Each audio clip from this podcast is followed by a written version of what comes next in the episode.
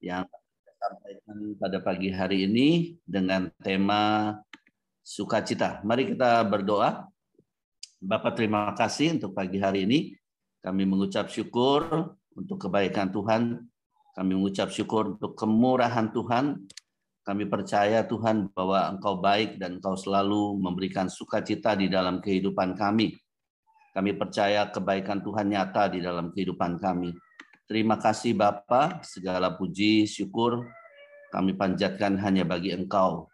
Allah, segala Allah, Tuhan, segala Tuhan di dalam kehidupan kami. Terima kasih Bapa, berbicaralah di tengah-tengah kami, karena kami siap Tuhan untuk mendengarkan firman-Mu Tuhan. Kami siap Tuhan untuk hidup di dalam kebenaran firman-Mu. Terima kasih Bapa, segala puji syukur hanya bagimu di dalam nama Tuhan Yesus Allah yang besar, kami berdoa dan mengucap syukur. Amin. Baik Bapak Ibu, saya mau share screen dulu. Oh, enggak ada ya. Sebentar ya.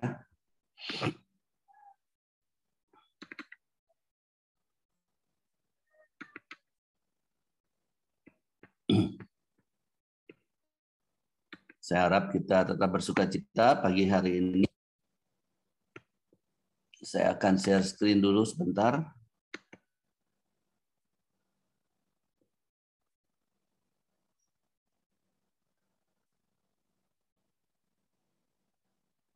Oh, enggak ada sebentar ya. Ke mana nih filenya?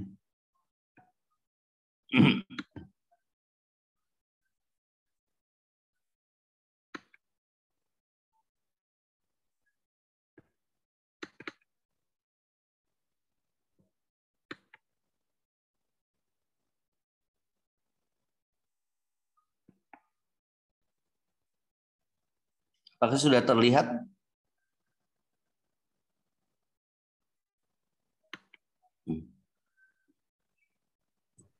Belum tampil sih Pak PPT-nya. Belum tampil ya? Belum Pak. Iya kok saya nggak nggak ada ya filenya bisa nggak ada nih. Wow wow wow. Filenya nggak muncul. Hmm. Mohon maaf, filenya kok nggak muncul nih, sebentar.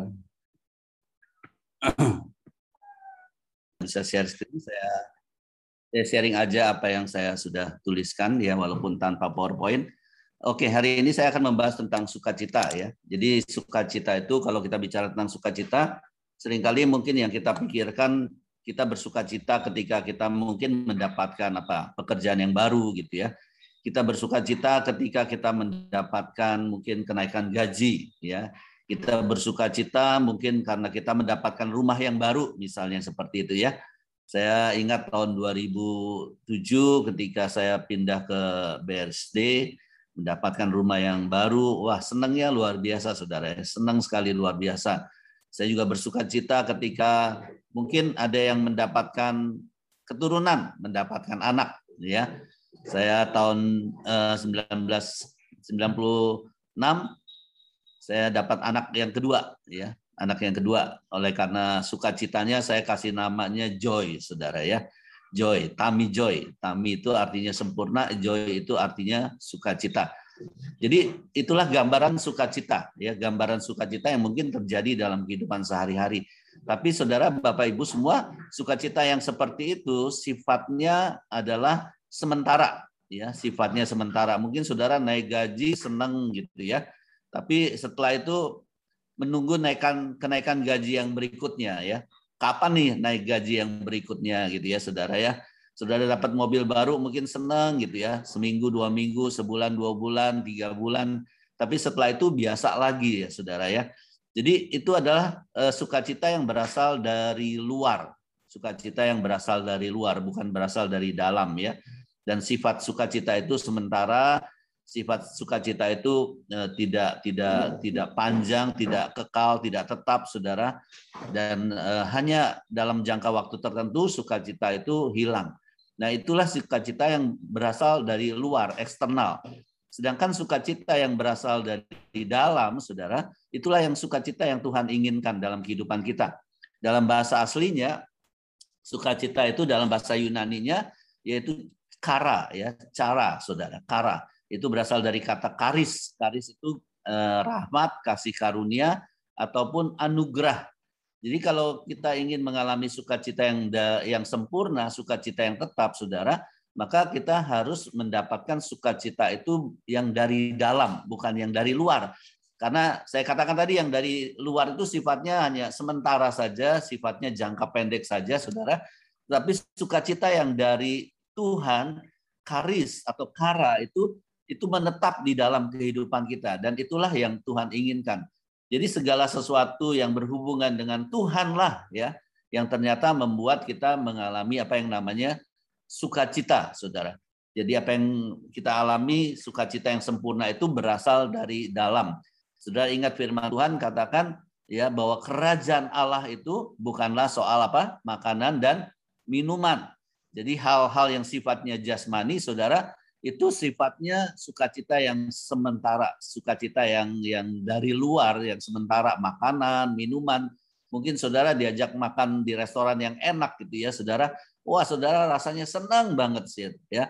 Tapi setelah beberapa kali Saudara makan di tempat itu, ya biasa aja saudara ya saya suka suka kuliner gitu ya saudara saya suka mencoba berbagai makanan di seluruh Indonesia ya saudara tapi sekali dua kali rasanya memang enak gitu ya saudara ya tapi setelah beberapa kali ya akhirnya jadi biasa aja sih ya biasa aja nggak nggak ada sesuatu yang uh, wah gitu ya nah saudara di dalam firman Tuhan di dalam kitab Roma itu dikatakan bahwa kerajaan Allah itu bukanlah soal makanan dan juga bukan soal minuman, tetapi soal kebenaran, soal damai sejahtera dan soal apa? sukacita dari Roh Kudus. Jadi sukacita yang sempurna itu harusnya berasal dari apa? Dari Roh Kudus. Sukacita yang sempurna itu ketika kita hidup di dalam kerajaan Allah. Baik Bapak Ibu, jadi kalau kita melihat ya, saya coba melihat bagian-bagian firman Tuhan di dalam Alkitab, yang menuliskan tentang sukacita itu selalu kaitannya dengan dengan Tuhan, selalu kaitannya dengan Tuhan. Saudara mungkin ingat ya sebuah lagu lama yang yang berkata begini, The joy of the Lord is my strength. The joy of the Lord is my strength. Strength. Jadi sukacita Tuhan. Ya, sukacita Tuhan. Jadi terjemahannya sebetulnya bukan sukacita yang dari Tuhan, bukan, tetapi sukacita Tuhan itu ada di dalam kehidupan kita. Nah, ayat itu ditulis dalam Nehemia pasal yang ke-8 ya Saudara, itu dituliskan bahwa ketika bangsa Israel eh, keluar dari pembuangan dan mulai membangun tembok Yerusalem, mulai membangun kota Yerusalem lagi, mereka disuruh makan dan minum. Ya mereka disuruh makan dan minum. Dan dikatakan mereka bersuka cita mereka bersuka cita, tapi mereka bukan bersuka cita karena makanan dan minuman, tapi dalam ayat itu dikatakan mereka bersuka cita karena mereka telah melihat firman Tuhan digenapi di dalam kehidupan kita. Amin, Bapak Ibu Saudara. Jadi sebetulnya kalau kita melihat firman Tuhan digenapi di dalam kehidupan kita, itu ada sukacita yang luar biasa, Saudara. Saudara pernah nggak mengalami membaca firman Tuhan, Misalnya tentang kesembuhan, sudah baca firman Tuhan dan tentang kesembuhan dan ternyata betul firman Tuhan itu terjadi di dalam hidup saudara, saudara mengalami kesembuhan dan saudara akan mengalami sukacita yang luar biasa, saudara. Lebih daripada orang yang membawakan mungkin makanan yang paling enak buat saudara, membawa makanan yang paling saudara sukai. Sukacita ketika saudara melihat firman Tuhan itu digenapi di dalam kehidupan saudara. Itu sangat, sangat, sangat luar biasa di dalam kehidupan kita. Jadi sukacita itu selalu hubungannya dengan apa? Dengan karunia Tuhan, dengan anugerah Tuhan dan dengan kasih Tuhan. Ya, sebentar lagi kita mau Natal nih Saudara ya. Udah deket lagi Natal nih bulan Desember Saudara ya. Nah, Saudara, salah satu kisah Natal adalah ketika orang Majus ataupun gembala-gembala itu melihat Tuhan. Melihat bayi Yesus. Kalau Saudara membaca bagian-bagian firman Tuhan tentang Natal, itu dikatakan apa? Mereka bersuka cita ketika mereka melihat bayi Yesus ada di dalam palungan itu mereka bersuka cita, Saudara.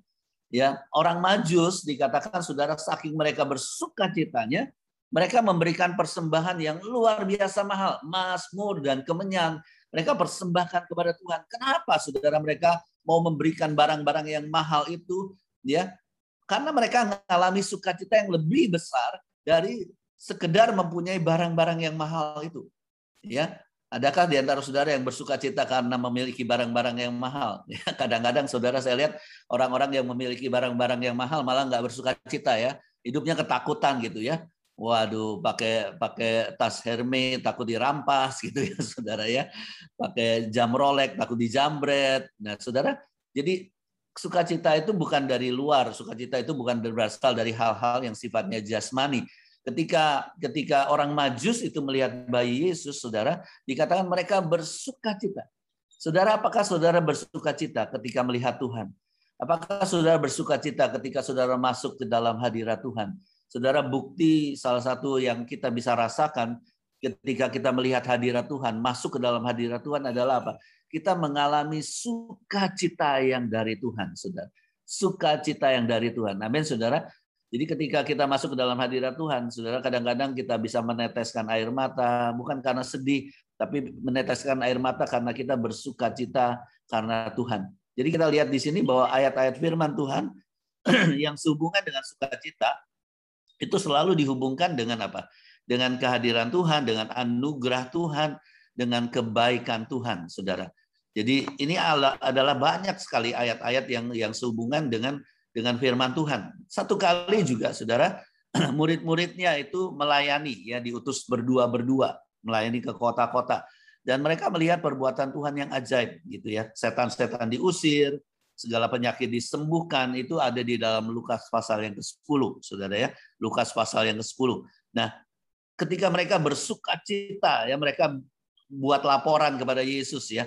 Wah, Yesus kata Petrus, mungkin Andreas dan yang lain-lain murid Tuhan Yesus mereka katakan, wah luar biasa. Ya setan-setan takluk atas namamu Tuhan. Penyakit takluk atas namamu. Ada kesembuhan, ada mujizat terjadi.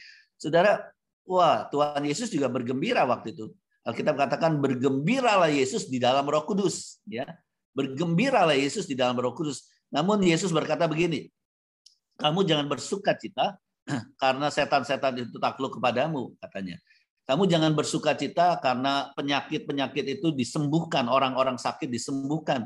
Tapi Yesus berkata begini, saudara, bersukacitalah karena apa? Namamu sudah tercatat di dalam kerajaan surga. Amin, Bapak Ibu Saudara. Kita harusnya bersuka cita bukan karena berkat-berkat Tuhan. Ya, kita mengucap syukur untuk berkat-berkat Tuhan. Amin, Saudara. Kita perlu mengucap syukur kepada Tuhan untuk setiap berkat yang Tuhan percayakan dalam hidup kita. Tapi harusnya sukacita kita tidak berdasarkan kepada berkat-berkat itu. Sukacita kita ah, dasarnya adalah apa? Sumber berkat itu, sumber anugerah itu. Ya, sumber rahmat itu yaitu siapa? Tuhan Yesus melalui Roh Kudusnya. Nah, kita lihat sekali lagi Saudara bahwa begitu banyak ayat-ayat firman Tuhan tentang sukacita sepanjang Alkitab di dalam Perjanjian Baru secara khususnya Saudara itu selalu hubungannya dengan kerajaan Allah selalu hubungannya dengan Tuhan Yesus, selalu hubungannya dengan kasih dan karunia Tuhan, saudara ya. Semuanya tidak berdasarkan hal jasmani, tidak berdasarkan keadaan atau situasi, saudara, tapi selalu kaitannya dengan sesuai dengan bahasa asli daripada uh, joy atau sukacita yaitu kara, ya kara yaitu karunia Allah, kasih karunia Allah, rahmat Allah. Ada satu ayat lagi, saudara. Nah ini hubungan dengan Mission Alive Project ya 200 sudah ingat nggak masih ini Project Mission Alive 200 yang kita sudah launching tiga minggu yang lalu? Wah saudara jangan jangan sampai lupa ya. Nah saudara satu kali eh, apa namanya eh, murid-muridnya itu pergi memberitakan Injil ya. Tadi saya sudah sampaikan saudara mereka memberitakan Injil dengan luar biasa dan ada satu perumpamaan yang sangat terkenal sekali di dalam Lukas pasal yang ke-15. Ya, saudara tahu ada tiga perumpamaan, yaitu tentang domba yang hilang, tentang dirham yang hilang, dan yang satu lagi tentang anak yang hilang. Ada tiga perumpamaan itu ya. Tentang domba yang hilang, ada satu domba yang hilang dari 100 ya. Kemudian ada dirham yang hilang, satu yang hilang dari 10, dan kemudian ada perumpamaan tentang anak yang hilang ya ada anak bungsu dan anak sulung ada dua anak saudara tapi kisah itu semuanya diakhiri dengan apa? Dengan sukacita. Diakhiri dengan sukacita. Ya, yang domba yang hilang satu itu, gembala yang menemukan domba itu sukacita luar biasa. Mereka mengundang teman-temannya untuk berpesta, saudara ya. Mereka bersuka cita karena satu domba yang sesat ini ditemukan, saudara. Ditemukan. Dan mereka bersuka cita. Demikian juga dengan dirham yang hilang. Dari 10 dirham yang hilang, saudara, dari 10 dirham yang satu yang hilang itu dicari dicari dengan teliti oleh perempuan itu ya saudara dan akhirnya ditemukan itu. Karena 10 dirham ini bicara tentang pernikahan ya. Itu 10 dirham yang dikumpulkan saudara ya untuk untuk untuk hari pernikahan ya. Kalau hilang satu wah itu memalukan ya saudara. Dan dicari betul-betul sampai ditemukan satu yang hilang dari 10 itu. Demikian juga ketika anak bungsu itu kembali ke rumah bapaknya saudara itu mereka dikatakan bapaknya mengadakan pesta yang luar biasa ya motong kambing gitu saudara ya. Ya eh, mereka berpesta luar biasa sampai-sampai kalau saudara baca di dalam Lukas pasal yang ke-15 itu anak sulungnya jadi iri ya kepada anak yang bungsu. Dia komplain kepada bapaknya bapak gimana sih? Ini anak yang menghabiskan harta bapak ya baru pulang aja dibuat pesta Sedangkan saya yang udah baik-baik gitu, yang sudah setia kerja baik-baik kepada Bapak nggak pernah nggak pernah dipestain gitu, saudara. Komplain si anak sulung ini. Nah, saudara dari dari kisah ini ya kita melihat kebenaran firman Tuhan bahwa Alkitab katakan kalau satu orang bertobat, seisi surga bersuka cita. Amin, Bapak Ibu Saudara. Ya, satu orang bertobat, seisi surga bersuka cita. Jadi kembali saya simpulkan saudara bahwa sukacita yang eksternal itu sifatnya terbatas. Ya, sukacita yang eksternal memperoleh memperoleh sesuatu, memperoleh berkat itu sifatnya sementara dan kepuasannya semakin berkurang, Saudara. Tetapi sukacita yang dari Tuhan, sukacita yang dari Roh Kudus, Saudara, sukacita yang dari dalam itu sifatnya tetap di dalam hidup kita karena itu berbicara tentang kasih karunia Allah yang ada di dalam hidup kita, berbicara tentang kebenaran yang ada di dalam hidup kita, saudara, sehingga kita betul-betul mengalami sukacita yang dari Tuhan. Saya eh, berharap saudara, mohon maaf sekali lagi ada gangguan teknis ini, tapi saya berharap eh, pesan ini tidak tidak eh, pesan yang saya sampaikan walaupun tidak memakai PowerPoint akan akan masuk ke dalam hati dan pikiran saudara. Sekali lagi yang kita butuhkan pada hari ini bukan sukacita yang sementara, bukan sukacita yang dari luar, saudara, tapi kita membutuhkan sukacita yang dari dalam, yaitu sukacita yang dari Tuhan Yesus. Apalagi dalam masa pandemik ini, ya, saudara, banyak orang frustasi, banyak orang kecewa. Tetapi kalau kita bisa mengalami kasih karunia Tuhan dalam hidup kita, maka kita akan tetap bersukacita di dalam Tuhan. Baik, itu yang saya sampaikan pada pagi hari ini. Tetap sukacita, katakan kepada saudara semua masing-masing, tetap sukacita. Alkitab katakan bersukacitalah senantiasa, bersukacitalah di dalam Tuhan, bukan di luar Tuhan. Ya, bersukacita di dalam Tuhan. Itulah yang akan kita alami sepanjang hari ini. Besok Edo Niki Julu akan menyampaikan firman Tuhan, saudara. Nah, sudah muncul nih chat dari Edo ya, Pastor Edo akan menyampaikan firman Tuhan. Judulnya serem sih, judulnya serem saya baca ya. Anita belum sempat buat apa namanya flyernya. Judulnya begini saudara, ya siap-siap dengar judulnya ya. Bekal masih sedikit, tetapi kematian sudah dekat gitu. Wah ngeri banget nih saudara. Pastor Edo ini ngancem atau apa nih ya? Jadi dikatakan bekalnya masih sedikit, tapi kematian sudah semakin dekat gitu. Nah saya berharap tetap bersuka cita hari ini, tetap jaga sukacita yang dari Tuhan karena the joy of the Lord is my strength. Mari kita berdoa. Bapak terima kasih untuk pagi hari ini kami mengucap syukur Tuhan Yesus. Kami menyerahkan Tuhan eh, hidup kami ke dalam tanganmu. Biarlah the joy of the Lord is my strength. Sukacita Tuhan itulah kekuatan kami. Karena engkaulah sumber sukacita itu.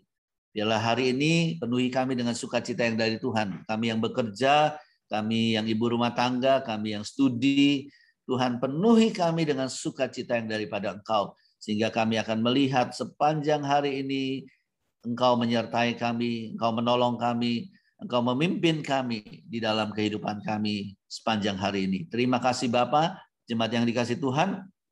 Biarlah arahkan wajahmu kepada Tuhan. Angkatlah tanganmu dan terimalah berkat sukacita dari Bapak Surgawi, berkat sukacita daripada Tuhan Yesus, yang ada di dalam hatimu dan sukacita dari Roh Kudus yang menyertai engkau sepanjang hari ini sehingga ke mana pun kau pergi dan apa pun yang kau lakukan pada hari ini engkau senantiasa disertai oleh Tuhan. Terimalah semua berkat itu hanya di dalam nama Tuhan Yesus. Haleluya. Semua yang percaya katakan